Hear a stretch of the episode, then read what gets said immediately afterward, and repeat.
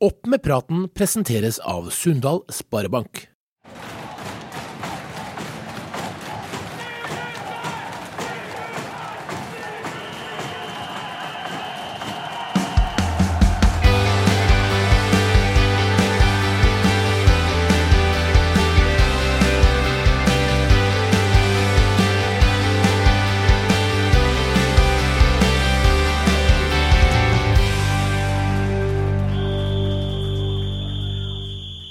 Hei og velkommen til Opp med praten, avisa Driva sin podkast om lokalfotballen i Nordmøre og Romsdal.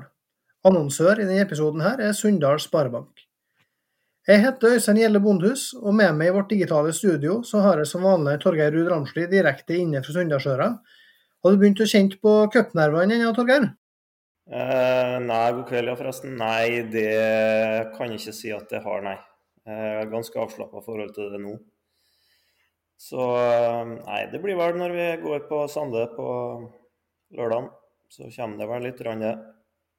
Ja, og um, dagens gjest skal òg i aksjon på, på lørdag.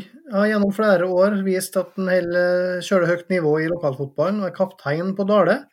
Hovedtrener på KBK G16, og ifølge sikre kilder så er han òg en hund etter skolebrød og holder brukbart nivå i padel. Så velkommen til Opp med praten, Eirik Andersen.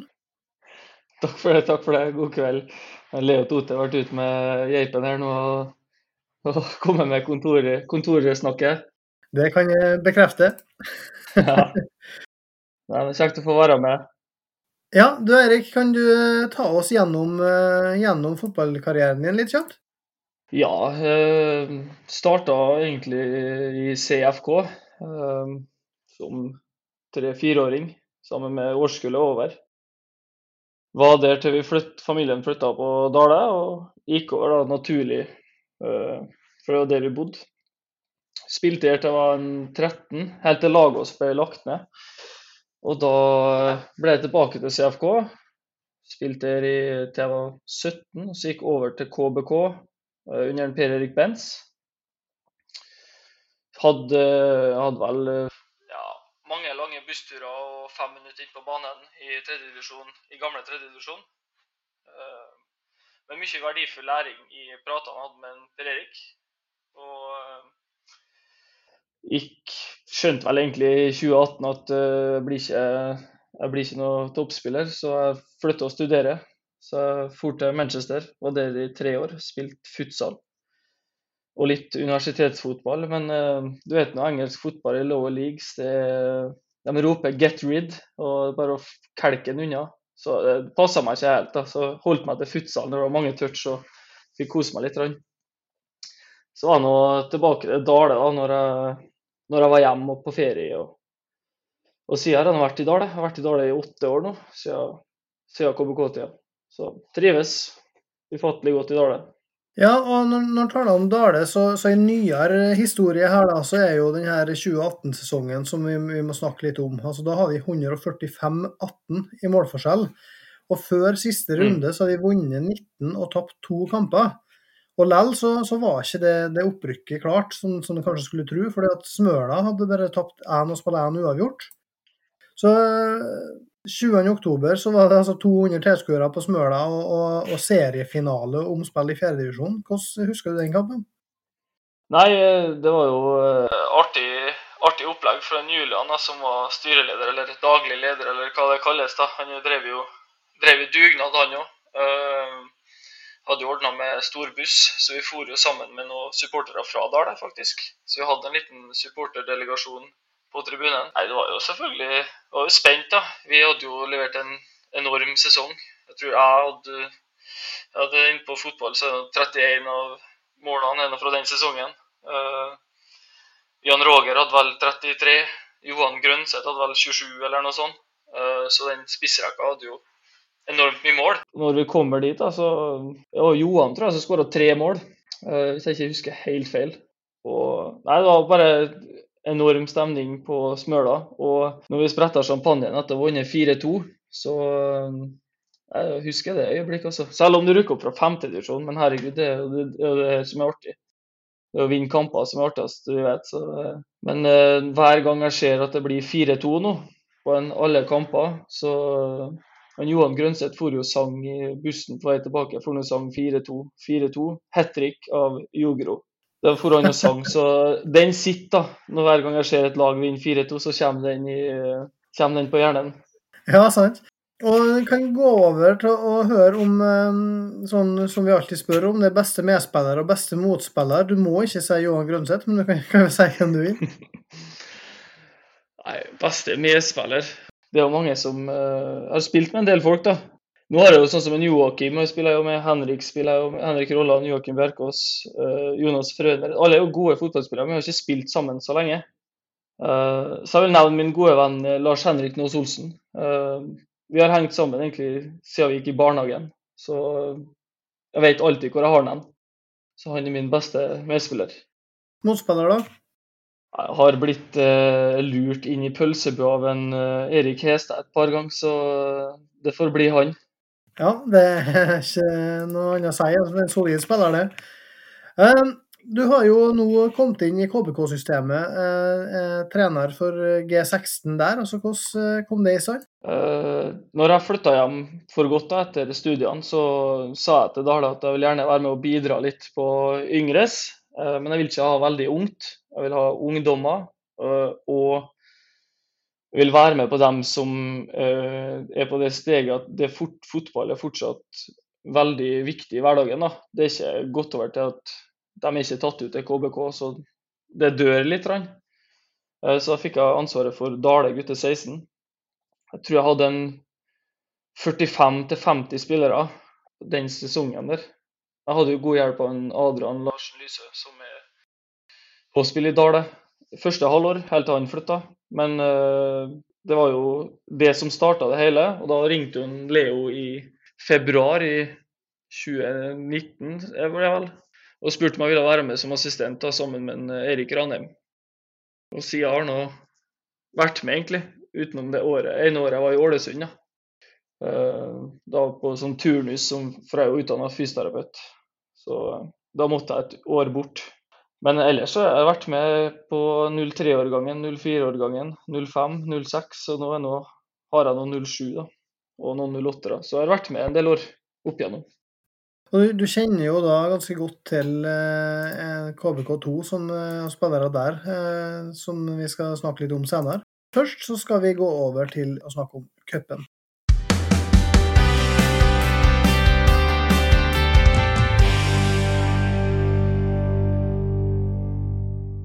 Dale er med et 3-1 eh, borte mot Malmefjorden. Videre til andre kvalifiseringsrunde i, til NM. Kan du fortelle litt om hvordan den kampen var, Erik? Ja, Vi spilte nå på Årølia. Eh, egentlig passer oss veldig bra at vi fikk spille på en kunstgressbane. For vi er, vi er jo et kunstgresslag, såpass må vi jo si. Vi er jo ikke noe gresslag Dale gjelder. Møter jo et uh, Malmefjorden-lag som legger han på venstre stopper og klinker han på høyre ving. Og så skal Fredrik Rørvik springe fra alt og alle. Det funker, det funker jo. De kommer jo gjennom. De har noen farlige sjanser i første omgang, eh, men da har de medvind. Eh, vi har litt sol i ansiktet. og så Det blir jo 1-1 der, men i andre omgang så tar vi egentlig fullstendig over. De sliter med å spille seg ut, og vi har mest ballen. da. Noe som er naturlig. De blir jo sliten til slutt når det aldri kommer deg utafor din egen midtbane. så det, det, var vel det som gjorde at vi, vi hadde jo vi hadde vel en sju-åtte sjanser som endte i redning. Og Malmefjorden-keeperen skal ha det. Han, eh, Preben er ikke det? Han var, han var god. Ja, og i fjor så varierte det jo ganske mye etter hvem som var med. Og, og det fikk jo nylig passet dere påskrevet av en Torgeir her etter tap mot, uh, mot Sunndalen i en treningskamp. Altså, Hvordan er egentlig ståa i Dale nå? Nei, det, det, er jo det som er litt artig. at vi, Hvis du ser på 2019-sesongen da, og sammenligner med fjorårssesongen, så er to spillere av dem som spilte i 2019, som med, var med i 2021. da. Det var meg og Bjørnar Husby. Og, det, og når du har bytta ut et helt lag, så er det jo ikke rart at ting lugger. Spillet satt ikke, vi bomma bevegelsene, vi kjente hverandre. Eh, når du har en så stor tropp, folk jobber ut med fiske og ut en, en uke og kommer tilbake en uke. Det er jo det er så variabelt i, i fjorårssesongen, da. Men i år så føler jeg at uh, vi er 26 mann på trening. Uh, de fleste som skal være med, er med. Og da får du jobba litt relasjonelt. Og du merka jo på slutten av fjorårssesongen at det ble, det ble bedre utover. da, Den 3-3 mot uh, Surndalen. Uh, Surnadal borte her, som selvfølgelig det er jo, det er jo flaks at vi får 3-3, men uh, det begynte å bli bedre, da. Ja, det må ikke være ydmyk her nå. Det er jo du som skåra 3-3 mål i ett minutt før slutt, så det, det, det husker vi. Eh, men eh, jeg har jo fått et spørsmål her nå på bakgrunn av det han Torgeir sa òg. Altså, det gikk fra Kristoffer Vangen Lysgård litt med glimt i øyet her. Altså, hvor, hvor, dårlig trent er egentlig Dale? Det må vi få spørsmål på. Nei, det er en, en artig diskusjon på kontoret. Eh, jeg får høre det Vi snakker ganske ofte om det. Ranheim kommer med stikk. da, Nei, Dale er så dårlig trent. og Kristoffer kommer med stikk. og Nei, Dale er bare dårlig trent. Så det har satt seg, Torgeir. Men jeg syns jo det er, jo det er, enkelt å dra inn uh, dårlig trent, da. Uh, spesielt. Men det er jo, det er jo morsomt da, at det, det bygger opp. Uh, du kjenner jo at det her gjør noe med deg. Du har lyst til å motbevise at vi er dårlig trent. Men når vi taper 10-1 mot KBK2 og førstemålet kommer etter tre minutter, så uh, syns jeg det er tynt med dårlig trent. det skal jeg si. Hva tenker du om det Erik sier her, Torgeir? Nei, jeg må nå bare uttale meg på bakgrunn av det jeg ser, jeg, da. Uh, og da syns jeg jo at jeg ser en del spillere som jeg, som jeg, kjenner godt fra tidligere, og spesielt da kanskje den eldre garde da, i, i Dale som skulle være med å dra lasset her i fjor og stå fram. Så syns jeg ingen av dem er, har noe spesielt god sesong i forhold til det de har. og da Eh, en skal ikke bruke stygge ord om folk, og derfor eh, velger jeg å, si utrent. Men, men, at en par av dem eh, har noen kilo for mye, det, det, det, er jeg ikke så redd for å si. Sånn at Jeg håper jo at de har fått en, en god vinter nå og ei OK oppkjøring. Og det viste de jo kanskje allerede nå mot Malmefjorden, at, at det står litt bedre til. Og så skjønner jeg det at de har hatt mye utskiftninger og mye nye spillere, og det varierer fra kamp til kamp og sånn. Men, men, vi må bedømme Dale ut ifra det som leveres på banen. Og så hadde vi jo eh, Henrik Rolland i studio eh, her eh, Eller du hadde et intervju med han i fjor òg, der han sier at de skal trene to ganger i uka og bare ha det artig. Og det er greit nok. det er lov det å ha den innstillinga, men må dømme, altså jeg må bedømme Dale ut ifra hvordan de fremstår i kampene, ikke om de har trent mye eller lite og hvem som er med og sånn. Så er det selvsagt forklaringer og årsaker bak alt det her. Men i bakgrunnen av det som Eirik sier nå, at de er en mer stabil gruppe og, og, og mer samspilte, sånn, så tror jeg jo at Dale får en bedre sesong eh, enn i fjor. Men likevel så tror jeg kanskje at det blir for mye utskiftninger til at de skal være med helt i toppen. Men at de kan slå Bergsøy i helga, og at de kan slå hvem som helst i serien på en god dag Og være med, være med, i enkeltkamper mot de beste lagene, det, det ser jeg ikke bort ifra. Det forventer jeg nesten med det mannskapet de, de har. Så det er, jo, det er, jo, forventningene i fjor til Dale som gjør at jeg, at jeg var så kritisk som jeg var. For jeg forventer mer, for jeg syns de har en del bra spillere på det nivået her. Ja, det er jo helt enig i det, og tippa jo Dale som seriemester i fjor. og Det, det gjorde jo på bakgrunn av den spillerstallen som jeg mener de har. da. Og, og jeg synes jo det Når jeg ser på lagoppstillinga mot Malmefjord nå, så synes jeg jo det er veldig solid. Veldig mange gode spillere. Det er sterke navn på benk. Det, det, er god bredde, og det er sånn som jeg kjenner de spillerne, så, så, er det et, et, godt lag hvis det sitter relasjonelt. Da, det, som Eirik sier, at, at det må jo ligge i bunnen der. Men, men uh, mot Surndal nå, så var på det beste der, uh, på Amfipark i siste serierunde i fjor, så var Dale god, altså. Uh, det syns jeg. Og det, da er det jo på en måte Har med de beste hver gang og får til å, å, å stille, stille, et lag som kjenner hverandre bedre og bedre, så, så tror jeg at Dale skal ikke tippe, Det blir nok ikke som seriemester i år, men at det kommer til å tippe Dale ganske høyt i år, og det, det tror jeg. Bergsøy, Erik. Neste utfordring i, i cupen i helga, hva tenker du om den kampen? Jeg tror jo det er gode muligheter. Uh, møter dem i Parken. Parken er en, uh, en bane som passer Dale bra. Uh, det er en uh, vanskelig bane å spille på for motstanderlag, for den er såpass den er liten. da. Uh, Sammenligna med stor stadion og alt annet. så vi slipper å springe så mye for å dekke rom. men jeg tror Dale kan gjøre det bra der. Jeg skal, må dessverre, kan dessverre ikke være med. Jeg skal på elitetiltak med gutter 16. Så, sånn er det når du er trener og det er jobben. Men jeg tror guttene klarer det fint og at, uh, tar med oss en seier der. og Satser på en seier og at vi kommer videre til neste runde. Det har vært artig. Ja, Vi sporer jo lytterne på, på, forhånd her om hvem, hvem trodde vil gå videre av Dale og Bergsøy. og Da er det 34% som tror på Dale-seier og 66 eh, hele en knapp på Bergsøy. Hva tenker du om det? Ja, men De er så farga av podkasten, vet du. gutter. Det, de, de må høre at Dale sliter. Så nei, jeg, de får nå bare tro. Jeg tror Dale eh, blir bedre i år, men som sagt, Dale skal, skal ikke rykke opp. Det har ikke økonomi til å være i tredjedivisjon, har ikke spillere til å være i tredjedivisjon, og det er bare, bare teit å rykke opp til tredjedivisjon. Så jeg tror Dale er bedre i år. Jeg tror, jeg tror ikke, skal ikke legge press på Dale nå, men jeg tror jeg kan få en god kamp mot Bergsøy. Ja, og så er det jo slik at noen som omtaler de NM-kvalikkampene nærmest som treningskamper, mens andre tar dem blodseriøst for å gå til førsterunder. Så hva, for din del og for Dale sin del, hvor mye betyr de her NM-kvalikkampene? Nei, selv, Selvfølgelig hadde det vært artig å fått uh, eh, KBK og Molde treff et av disse lagene som er litt høyere, da, å få en, en, liten folkefest. Selvfølgelig hadde det vært artig, men uh, ser jo på det som en treningskamp inn mot sesongen. For NM er jo ikke det viktigste. for alle vet at Dale IL ikke kommer til noe cupfinale på Ullevål uansett. Så det er noe, sånn er det. Jeg skjønner. Vi skal gå over til, til den andre lokale cupkampen, som er Sunndal-Surnadal. og Da, da starta vi med, med, et spørsmål fra Johan Sæter, som er sunndaling og som kommenterer kampen på lørdag.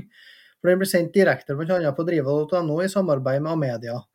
Og Det han lurer på, um, det er kan tror de stikker av med seieren i helgens lokaloppgjør, og hva blir avgjørende for det seirende laget. Hva tenker du Torgeir om uh, det Johan spør om her? Nei, jeg har vel ikke en sånt klart svar på det. Jeg er jo helt sikker på at kampen blir eh, jevn, sånn som den har vært mellom lagene eh, i lang tid, egentlig. Selv om Sunndalen stort sett har stokka med seieren, eh, så tror jeg jo det betyr litt at det er et litt psykologisk overtak. Har òg hjemmebane. Ser for meg at kampen blir lik, sånn som den var på Sande i fjor. At Surnadal har mye ball og vil skyve fra side til side og sette opp vingene sine så syns jeg jo de mangler litt eh, ja, hva skal jeg si, kollektivt angrepsspill. At det blir mye vingene som skal, som skal gjøre det én mot én. Jeg eh, har jo sagt det tidligere at da savner jeg litt bevegelser fra backer som kommer på overlapp eller underlapp, er vel noe som heter nå, og, og indreløpere som drar litt igjennom, skaper plass, at det blir litt to mot én. At du får uh, skjøvet litt i backrekka og sånn. Det syns jeg mangler. Litt mer oppfinnsomhet der. Det blir mye én mot én. Eh, så ser jeg for meg at Sunndal ligger og venter og, og kontrer, og, og, vil sette opp eh, Louis stort sett én mot én eh, i, kontringsspillet. Så spørs det hva han får til. Eh, han har stått bak det meste Sunndal har drevet med offensivt nå i siste cupkampen, men òg i fjor. Så de er avhengig av at han har en god kamp, for ellers så kan det bli vanskelig for Sunndalen. Men det blir jevnt, det er ganske sikkert. Hvis du må tippe en vinner, da? Nei, da tipper jeg at Sunndal vinner. Eh, det er ikke noe som tilsier at Surnadalen plutselig skal slå Sunndalen eh, nå, når det er så lenge siden de har gjort det, ut ifra hvordan styrkeforholdet har vært og hvordan de kampene har vært. Så har de, de har bikka litt i sånn eh, retning av at Sunndalen har fått logge kontra litt på Surnadalen. Så hvordan Surnadalen skal unngå at det kampbildet gjentar seg, da, det, det får nå bli en utfordring til Vebjørn og teamet hans. Ja, jeg syns det er interessant her der, fordi at eh, jeg føler jo at, at Surndalen òg egentlig har, med de angrepsvåpnene de har, mannskap til å spille litt på samme måten som det Sunndalen gjør. Um, til å, å, At de kanskje egentlig er best når de òg får konter og kjører, kjører hurtig framover. Det er bedre der enn i etablert angrep, mener jeg. og det, det og det samme gjelder jo Du har en Sander Smevold som er kapabel til å i en 22-kampsesong skåre 30. Og, og, da er det Han er livsfarlig, det så vi jo. Det begynner jo å bli noen år siden det, da, men i cupmøtet Da var du trener, Torgeir. Um, der Sander springer inn to mål i første omgang, og så der Sunndal har ballen nesten hele kampen, uh, og en snur det til 3-2. Så, så, det er klart både han og Frikk Talgø og flere der er, er livsfarlige hvis de får rom og, og ta med stopperne og, og backene i løpedueller der, kanskje med unntak av en eh, Erik, eh, din bror, da. Det er jo ikke så unaturlig det her, da, fordi at eh, jeg syns jo de aller fleste lagene i divisjonen er jo best når de får ligge litt nedpå og kontre. For det vanskeligste i fotball, uansett hvilket nivå du er på, det er jo, det er jo å løse opp og, og, å få til høl i et eh, forsvar som ligger lavt. Eh, altså Du angriper mot etablert forsvar. Det er jo det vanskeligste. sant? Det, det er mindre plass, det er mindre rom, det det er mindre tid enn når det kontrer. Så det, det er jo utfordringa for, for laga, Det er jo å utvikle et, et bedre kollektivt eh, angrepsspill. Og Det syns jeg veldig mange lag mangler. og Da blir det fort sånn at de som får anledningen til å ligge og kontre i kampene, de, de, eh, de, vinner oftest, i hvert fall hvis det, er, hvis det er jevnt, for å si det sånn. Hvis det er to jevne lag som møtes, er det ofte de som ligger litt nedpå og får anledning til å kjøre overganger. De stikker ofte av med seieren. Ja, Eirik, eh, med det Torgeir sier her nå, er det da lag i divisjonen som du føler utmerker seg i motsatt retning, altså som er gode på eh, det å, å, løse opp forsvar med ballen i laget? Ja, du har nå, du har nå KBK2. Det, noe, det kommer de til å gjøre i alle kampene i år. Uh, tror jeg. De spiller jo mye etablert angrep mot folk som ligger lavt og skal kontre. Jeg er jo fan av å ligge i etablert angrep og prøve å stikke gjennom uh, folk som ligger i etablert forsvar. For jeg, jeg syns det er kjedelig å spille midtbane hvis alle ballene skal gå over meg både framover og bakover. Da er det jo ikke vits i en midtbane, tenker jeg da. Jeg har alltid likt Åndalsnes, da. Jeg syns Åndalsnes er flink til å De har en litt spillende tilnærming til fotball. De prøver å spille seg ut, er flinke å flytte etter idet de flytter opp laget når de etablerer. De står med stopperne sine høyt. De kommer ut tidlig. KFK har jo mange unge nå, har litt, eh, kanskje litt lite rutine i seniorfotball. Men de springer jo mer enn en mange andre, så de kan jo tjene noe ekstra på det.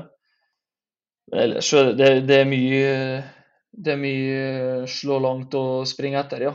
Det syns jeg. Men jeg er litt enig med en Torgeir sier om, om Surndalen. Surndalen spiller på vingene sine, som skal gjøre det én mot én. Og Sunndalen spiller på kontringsspill på en Louis, som skal gjøre det. da. Og jeg tenker Det er jo ufattelig enkelt å ta ut, men eh, det må bare gjøres. Ja, og så er det jo slik at Vi spurte lytterne her om hvem de tror gikk videre, og der er det ganske jevnt. Det er 52-48 i favør Surnadalsavansement. Tilhører du majoriteten eller mindretallet der, Erik? Ja, det er vel Surnadalen, tror jeg, som tar det. Får en liten motpol til en Torgeir. ja, det er, det er, bra med motpol mot, uh, for Surnadal mot Sunndal, det kan jeg være med på. Her er det da og spørsmålet om hvem som blir matchvinner, og der er det jo ikke overraskende at en Sander Smevold med 26 og en Markus Louis med 20% som er de to som, som stikker seg ut der. Så der er jo lytterne relativt enige med, med, det som vi har vært innom her, da. Er det noen enkeltspillere på noen av de to lagene der utenom de to som du er svak for, Erik? Vi kan Vegard hjul. der er jo noe ekstra. Uh, synd han ikke uh, klarte å slå gjennom i KBK. Jeg håper jo at den fortsetter og at uh, muligheten kommer etter hvert, for det er jo aldri for sent før du er 27 eller 28 eller 29. Da begynner du å, begynner det å gå nedover. Ja, jeg liker jo angrepsrekka til Sunndalen. Det er jo fart i guttene. Sånn Frikk, Frikk Talgø. Han er jo Jeg har prøvd å sprunge opp, men det gikk ikke. Så det er tempo på guttene. Ja, og på, på, lørdag så får vi altså svaret med hvem som går videre, både Dale Bergsøy og Sunndal Surnadal, men nå en aldri så liten reklamesnutt. Sunndal Sparebank gir deg bedre råd, og med gode rådgivere akkurat for deg, kan du realisere dine ønsker. Sunndal Sparebank finner du på Sunndalsøra, i Molde, Kristiansund, Ålesund og snart i Surnadal. Sunndal Sparebank, vi realiserer dine drømmer. Ja, vi har fått inn noen spørsmål til en eh, Eirik, vi. Og det første det er jo fra en tidligere lagkamerat eh, og tidligere Opp med praten-gjest, for så vidt, Roar Henden. Han eh, lurer på om det er tilfeldig at målet har uteblitt i større grad etter at en lagkamerat med litt mindre hår forlot Dale for noen år siden. Ja, jeg tenker vel på Njøran Sande, da. Nei da. Uh, det, var, det, det, var, de som sendte Torgeir som sendte den tilbake var ikke på Twitter. Jeg så spørsmålet til Roar. Uh, Roar er en uh, fantastisk spiller å spille med. Jeg spilte jo ofte tier i, i den sesongen, så hver gang jeg stakk, spissen møtte og jeg stakk, så så, så jo Roar det. Og jeg fikk jo en del baller gjennom. Så, men jeg har jo senka meg litt lenger ned i banen etter at Roar forlot skuta, så da blir det jo mindre mål. Jeg, de 31 målene så tror jeg var ett fint. Dette var bare stygge mål. Og det, det var bare sånn snubla inn ballen og slo i mine egne bein. og ja, Det var bare stygge mål. Så var, jeg har aldri vært en målskårer, men Roar hjalp meg kanskje litt med noen gode cornerer og gjennomspill. Men eh, sånn er det. Ja, for det, det, har vi fått spørsmål fra en dommer Harald Webenstad på òg. Du står med 38 mål for A-laget til Dale, og 31 av dem var i 2018. Hva, hva skjedde i 2018? Nei, jeg vet ikke. Jeg har ikke peiling. Kanskje det var bare stygge mål. Det var bare på rett plass til rett tid. jeg hadde Jan Roger og Johan på, på, sammen med meg i angrepsrekka, som var trusselen i bakrom. Sånn at jeg fikk mye rom 45 og fikk lurt meg litt på bakerste og litt plasser. Siden de tok alle løpene som tok med seg forsvarsspillerne, så fikk jeg mye rom. Eh, da kan vel det forklare det sånn. Men jeg har jo aldri vært målskårer, da. Eh, så det, det, ser jo ut som jeg er den målskåreren når jeg har 38 mål på 63 kamper for Dale, men eh, jeg er ikke det, altså. Nei, det, det, det, ser jo sånn ut, ja. Jeg er enig i det. Men eh, Harald Wemestad lurer òg på det her som du var inne på med at hjemmebanen til Dale er relativt liten. Altså, Hvordan påvirker det dere når de spiller på bortebane? Nei, skal ikke Det er ikke så fryktelig mange baner i Møre og Romsdal som er så svære. Eh, Malmøyfjorden har nå nesten er vel ja, jeg, jeg, har ikke målene på den, men det vel, minner vel mest om en nierbane, kanskje. Uh, Sande er jo stor, men vi tar litt mer hensyn til at vi vet at det blir mer bakrom, eller vi vet at det blir mer mellomrom og vi blir mer kompakt. Men uh, tenk ikke så galt over det, egentlig. Hva tenker du om den, den uh, forskjellen på hjemme- og bortekamper her, Torgeir, som er når, når, det blir såpass stor forskjell på hjemmebanen din og, og noe av det du møter borte, det er stadion har jo vært på 120 meter på sitt største, blant annet. Uh, ja, eh, jeg har jo spilt mye på uh, Dale sjøl i parken der. og Vi har vunnet her noen ganger òg, ja, men vi har òg gått på noen smeller. Uh, og vi har jo tradisjonelt vært et lag som er avhengig av litt plass. Sånn at vi får bruke hurtighet oppe og, og bredden og, og lengderetninga i spillet. og sånn Ønsker å spille hurtig fremover og, og ligge litt og, kjøre overganger. og Har jo gått i fella på det noen gang eh, på Dale. Og likeens i Malmefjorden òg. Det, det, året vi rykka opp, så ble det vel eh, om vi tatt eller om det ble 3-3, jeg husker ikke. Men det var i hvert fall en kaoskamp uten like. Du følte, følte bare at ballen var i 16-meteren, for banen var så liten på begge sider. Så du må jo ta litt hensyn til det. og Likeens når du kommer på Syltørene, som du sier, så, vi, så, er, så, har vi jo fokus på at banen er veldig stor og veldig brei, og at det er som Eirik sier, at du, du, må, du, må, ligge kompakt og ha kontroll på det. Eh, så at du må ta hensyn litt til det, det, det er du nødt til å gjøre. Hvis ikke så eh, ja, er du ikke profesjonell, det er jo ingen som sier her, men eh, du må prøve å, å legge opp en best mulig plan, så du må ta hensyn til alle sånne ting. Så det, har, det spiller en rolle. Det, det, gjør det, eh, uten tvil. Ja, og så har vi fått et spørsmål fra uh, Svein Erik Gregersen. Grego han lurer på hva måte Dale-spillerne ankommer stadion på ved første seriekamp. Er det med hest og kjerre, eller er det bare hest? For det er jo de fremkomstmidlene de har der ute, sier han. Hva sier du til det, Erik? Jo da, det er uh, Grego, vet du. Han er bitter. Bitter for at Brian og Gjerde gjerne kom over til oss. Um, hest og kjerre. Kjører til kamp hver dag. Så, men, men, jeg har full forståelse for at KFK er bitter, eller KFK eller CFK, eller hva de kaller seg. Jeg har forståelse, men jeg har òg forståelse for Brian og Espen, som jeg har spilt med tidligere. Spilt med Espen i KBK og spilt med Brian i CFK. Og jeg har forståelse når du er 26 år og du har kameratene dine på en, en, klubb, en byklubb ti uh, minutter unna eh, så er det mer attraktivt enn å spille sammen med 17, folk som er født i 05, 04, 03, og som blir 18 år i år. Det har, jeg, full forståelse for. Jeg syns jo det, det er trist for KFK sin del, men jeg, jeg skjønner jo Brian og Espen, da. Ja, de to gikk jo inn og starta nå forrige kamp mot Malmefjorden. Er de, hva, hva har de fått i dem? Nei, I Brian så har vi en, en Vi har nå tre venstrebeinte nå. Mot Malmefjorden så har vi tre venstrebeinte i bakrekka. I Brian så har vi fått en, en, rask stopper. En stopper som tør å spille opp i sentralt i midtbanen. En stopper som rydder mye. Og han gir seg ikke før han har blokka et skudd. da. Det er litt sånn han, det er mentality på han. og så Det er en god, god eh, forsterkning, vil jeg si. da. Espen òg, eh, akkurat samme. En smart, smart fotballspiller. God venstrefot. Eh, er villig til å springe på løp, er villig til å gå på overløp og underløp. Skåra mål mot Malmefjorden fordi at den er i deres boks som venstreback. Så vi har fått to gode spillere der, vil jeg si. Ja, ehm, så er det et spørsmål fra Per-Willy Pettersen her eh, på Twitter.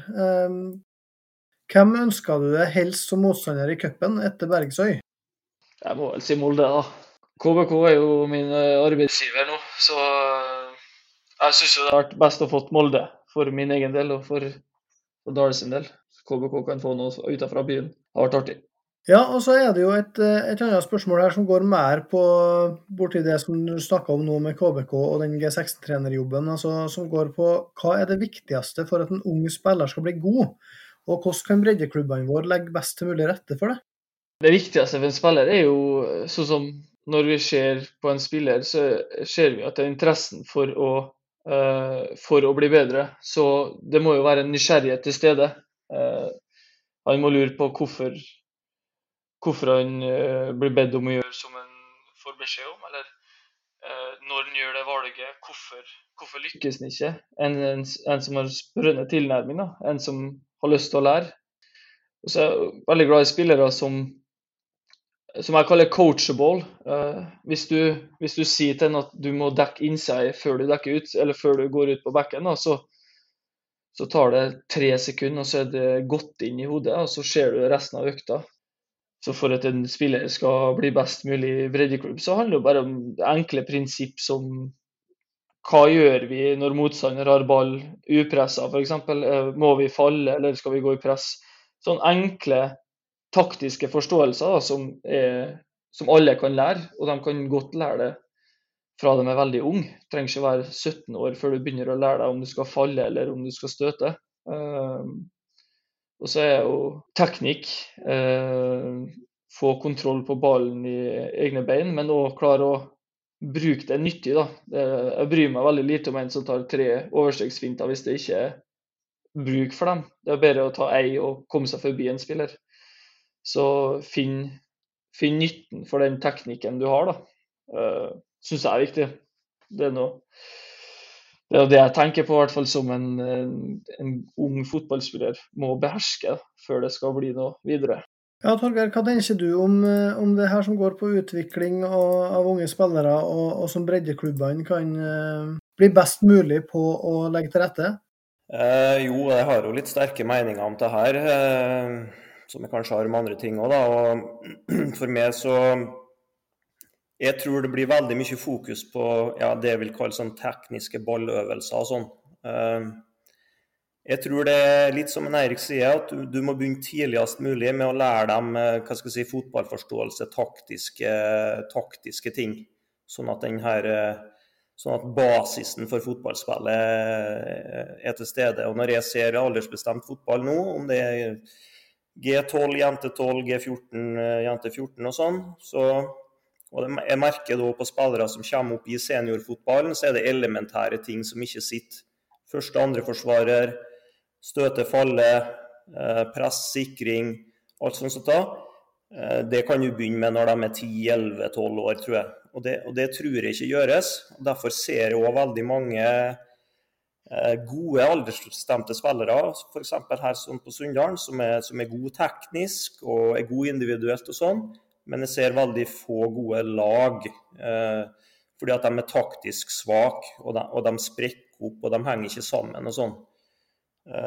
Så jeg tror et økende fokus på det, og så tror jeg det her med, med teknikk og pasningsspill og sånn, det, det, kommer litt mer av seg sjøl etter hvert. Hvis du, blir, hvis du blir en klok fotballspiller, så kommer det andre der. Men hvis du bare er en tekniker og du er god på stranda og du kan jorda rundt og overstegsfinter og alt det her, når det er liksom den ballasten du har når du skal opp i senior som 18-19-20-åring, da vil du felle igjennom. Eh, og Det syns jeg vi ser med mange spillere fra breddefotballen som prøver seg høyere opp. Eh, som kanskje har skåra mye mål og vært dominerende. og sånn. Når de kommer litt høyere, så blir de avslørt fordi at de ikke er intelligente nok og de er ikke fotballkloke nok, tak eh, taktisk eh, god nok. Sånn at eh, mentalitet og taktisk forståelse, fotballforståelse, det, det, tror jeg er litt undervurdert. At det blir, det blir mye eh, rondo og det blir mye pasningsøvelser og alt det her. Eh, og Det tror jeg er ting som kommer mer etter hvert, hvis du, hvis du, har, det, hvis du har, basisen på plass. Så, så, der tror jeg kanskje mange kunne ha dreid eh, si, treningshverdagen sin litt eh, i en annen retning. Hva tenker du Erik om det han eh, Torgeir sier her? Jo, jeg er jo helt enig i den Torgeir sier. Teknikken kommer jo, den, den terper jo på hele tida. Men jeg tenker at det, det er viktig at de at spillerne tenker fotball, ikke bare spiller fotball. At det må være en tanke bak alt du gjør. Så Hvis du spiller pasning til medspilleren din, så må du ha tenkt ut at OK, han skal ta han med seg fram i banen, eller han skal spille støtte til meg. Og så kan han, og så Når du begynner å bygge på det, så kan du begynne å tenke tre, fire, fem, seks, sju trekk fram for å lage et angrep i hodet. Uh, det tenker jeg er viktig. Ja. Uh, og så tenker jeg at trenere i breddefotballen kan Nå er det en stund siden, eller det er jo tre-fire år siden jeg var i Dale. Jeg vet ikke hvordan de gjør det yngres der. Men bevisstgjøring på hva vi trener på, er en stor del av, av uh, treninga. Så hvis du trener på omstilling fra angrep til forsvar, så, må, så gjelder det ikke bare å si til en tolvåring at i dag trener vi omstilling, men da må vi forklare den at idet vi mister ballen, så må vi vinne den tilbake igjen. Og det er fort. Se på Liverpool. Uh, se hva de gjør. Jeg tror det er viktig at vi bevisstgjør alltid hva det er vi øver på. Og så drifter jo spillerne fort i løpet av en trening til å tenke på hvem som skårer mål. Men så tror jeg det er viktig at vi drar dem tilbake. Men hva er det vi har fokus på i dag? Jo, i dag har vi fokus på, på gjenvinning, da. Og da er det det vi skal prate om. Og det, og det, er tungt. Det er veldig tungt mentalt for en spiller å gå på trening og alltid tenke på et tema. Så det er viktig at vi slipper opp litt av og til. Men jeg tror det er viktig at du, du drar det tilbake og har et tema for økta, et bestemt tema. Det trenger ikke være så bredt eller hvitt, eller det trenger ikke være så smalt heller. Men bare det, det er et gjentagende tema gjennom hele økta. Det er ikke firkant, og så går det en pasningsøvelse som ikke har noe å gjøre. Men kjør en firkant med, med mening. da. Kjør en mann i midten og si at du, her øver vi på å tre opp i trangt rom, og så gå ut igjen og gjøre ting med mening. Det, det, tror jeg kan være det lureste for, en, for folk i breddefotballen. da. Ja, det, det kjører utfordrende til det der med Jeg var jo på trenerkurs eh, for noen år siden i Kristiansund. og så jeg kom tilbake da og skulle trene i Sunndalen, så var det jo det her med å ha et tema for økta og sånn. Og når du legger fram det for spillere som er ja, 25, 28, 34 sant? De, vil, de vil, eh, eneste de er interessert i, det er at vi skal dele opp i to lag, og så skal vi spille. Og så er de opptatt av å vinne på trening. Uh, og så er det veldig stor forskjell da når du har spillere som er 16-17 i den samme treningsgruppa, som er, som er mottakelig, Uh, som vil lære. Som er kanskje coachable, da, som du, du sa, Erik. Trenbar. Uh, så det der er en sånn balansegang hele tida. For de, det er Flesteparten av spillerne i breddefotballen er med på trening for å ha det artig med kompiser. Og så hvis du blir veldig sånn teoretisk, eller du blir nøye og stopper spillet mye og, og, sånt, og skal prøve å få fram moment og sånn, så blir det fort misnøye, og de blir utålmodige. Og mange forstår heller ikke, for de har ikke vært borti det før. Så, så det der er en utfordring hele veien. Uh, men klart, til, til, til yngre spillere enn når du begynner med dette, her, til, til fortere tar de det. Det, det er i hvert fall min erfaring at det er lettere og forklare sånne ting om moment i spillet og sånn til, til, yngre spillere enn til uh, eldre breddespillere, da, for å si det sånn. De, de, greier ikke å snu om det fokuset til å bli trene for å bli en bedre spiller, for å si det sånn. Det, det er komplisert. Ja, det, det, er det ikke noe tvil om. Um, og Apropos uh, unge, trenbare spillere, så spor vi leserne våre om uh, lyt, lytterne, selvsagt, om uh, hvem du med en måned til seriestart holder som favoritt til å vinne fjerdedivisjon for menn 2022. Og da var nesten halvparten som endte opp med å svare KBK2. 47% mens Eide var nummer to, og Tomrefjord tre, Sunndal fire. Du kjenner jo de gutta her godt, Erik. Hvordan er um, styrkeforholdet KBK2 i 2022 kontra i fjor? Nei, det er jo mange av de samme spillerne som i fjor. Eh, de har fått et ekstra år på baken. Nå har jeg lovt Erik Ranheim å snakke dem ned, eh, for de er jo ikke så gode. Eh, det var det vi snakka om på kontoret i dag, at jeg skal for all del ikke skryte av KBK2. Men det er jo det er en del gode spillere her.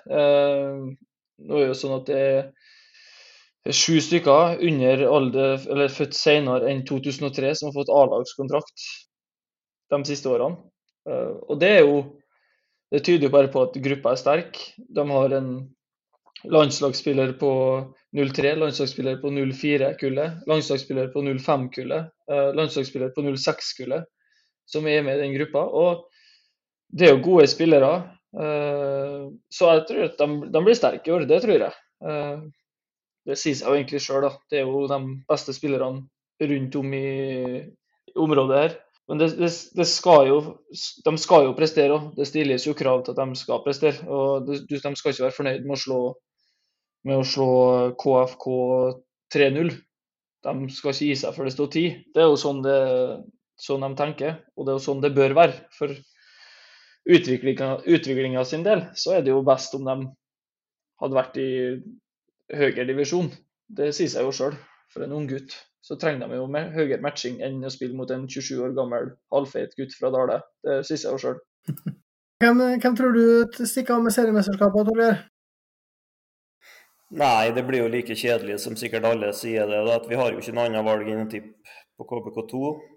Uh, tror ikke det blir noe sånn runaway-greier. Uh, uh, for jeg tror ikke de er så mye bedre enn de andre lagene.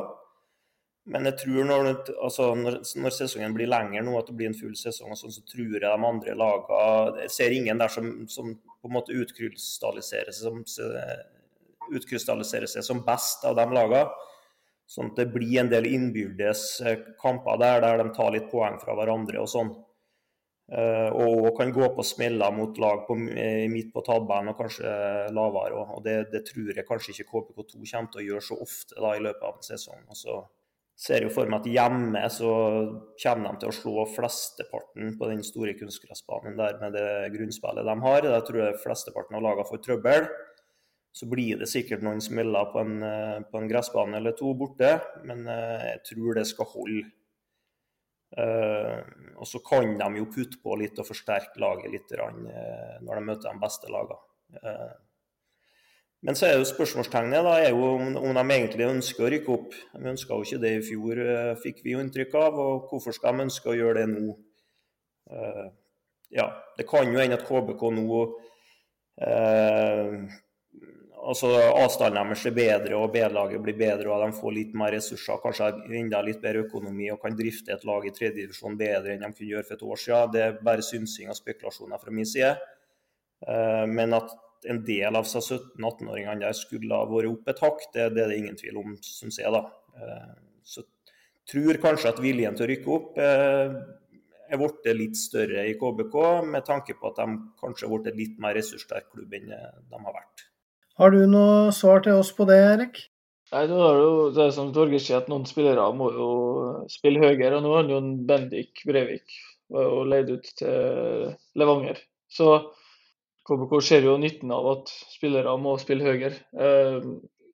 Nei, for å være helt ærlig så vet jeg ikke hva, hva målsettinga til Ranheim er i år. Det, er jo det sier seg jo sjøl at et lag vil jo vinne alle kamper. Men om eh, klubben og Leo og Ranheim vil rykke opp, det, det får de nesten ta, ta løpet av sesongen, da, tenker jeg. Det, jeg er så glad jeg slipper sånne prat, eh, spørsmål på gutte 16. Der er utvikling og ikke resultat. Så kan ikke gi dere hjelpe dere med den, altså.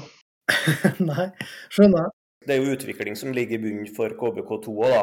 Og det er, jo, det er, jo, derfor vi snakker om de skal rykke opp eller ikke. Det er jo for å utvikle seg. Om de spiller i tredje eller fjerde har jo ingen betydning, men det er jo at de får utvikla spillere på et høyere nivå. Det er jo derfor de må rykke opp, ikke for at de skal vinne serien. Eh, det er jo ikke noe eh, hva skal jeg si, prestasjon eller noe fjær i hatten for dem at de vinner serien. Det er jo kanskje gjevere for de andre lokale lagene her, men de må komme seg opp for å få et høyere eh, mestringsnivå for de ungguttene sine. Ja, det er jeg enig i. De, de, må jo opp for å matches, da. Ellers så må de leies ut eller lånes ut. Da. Det er jo det er enten eller.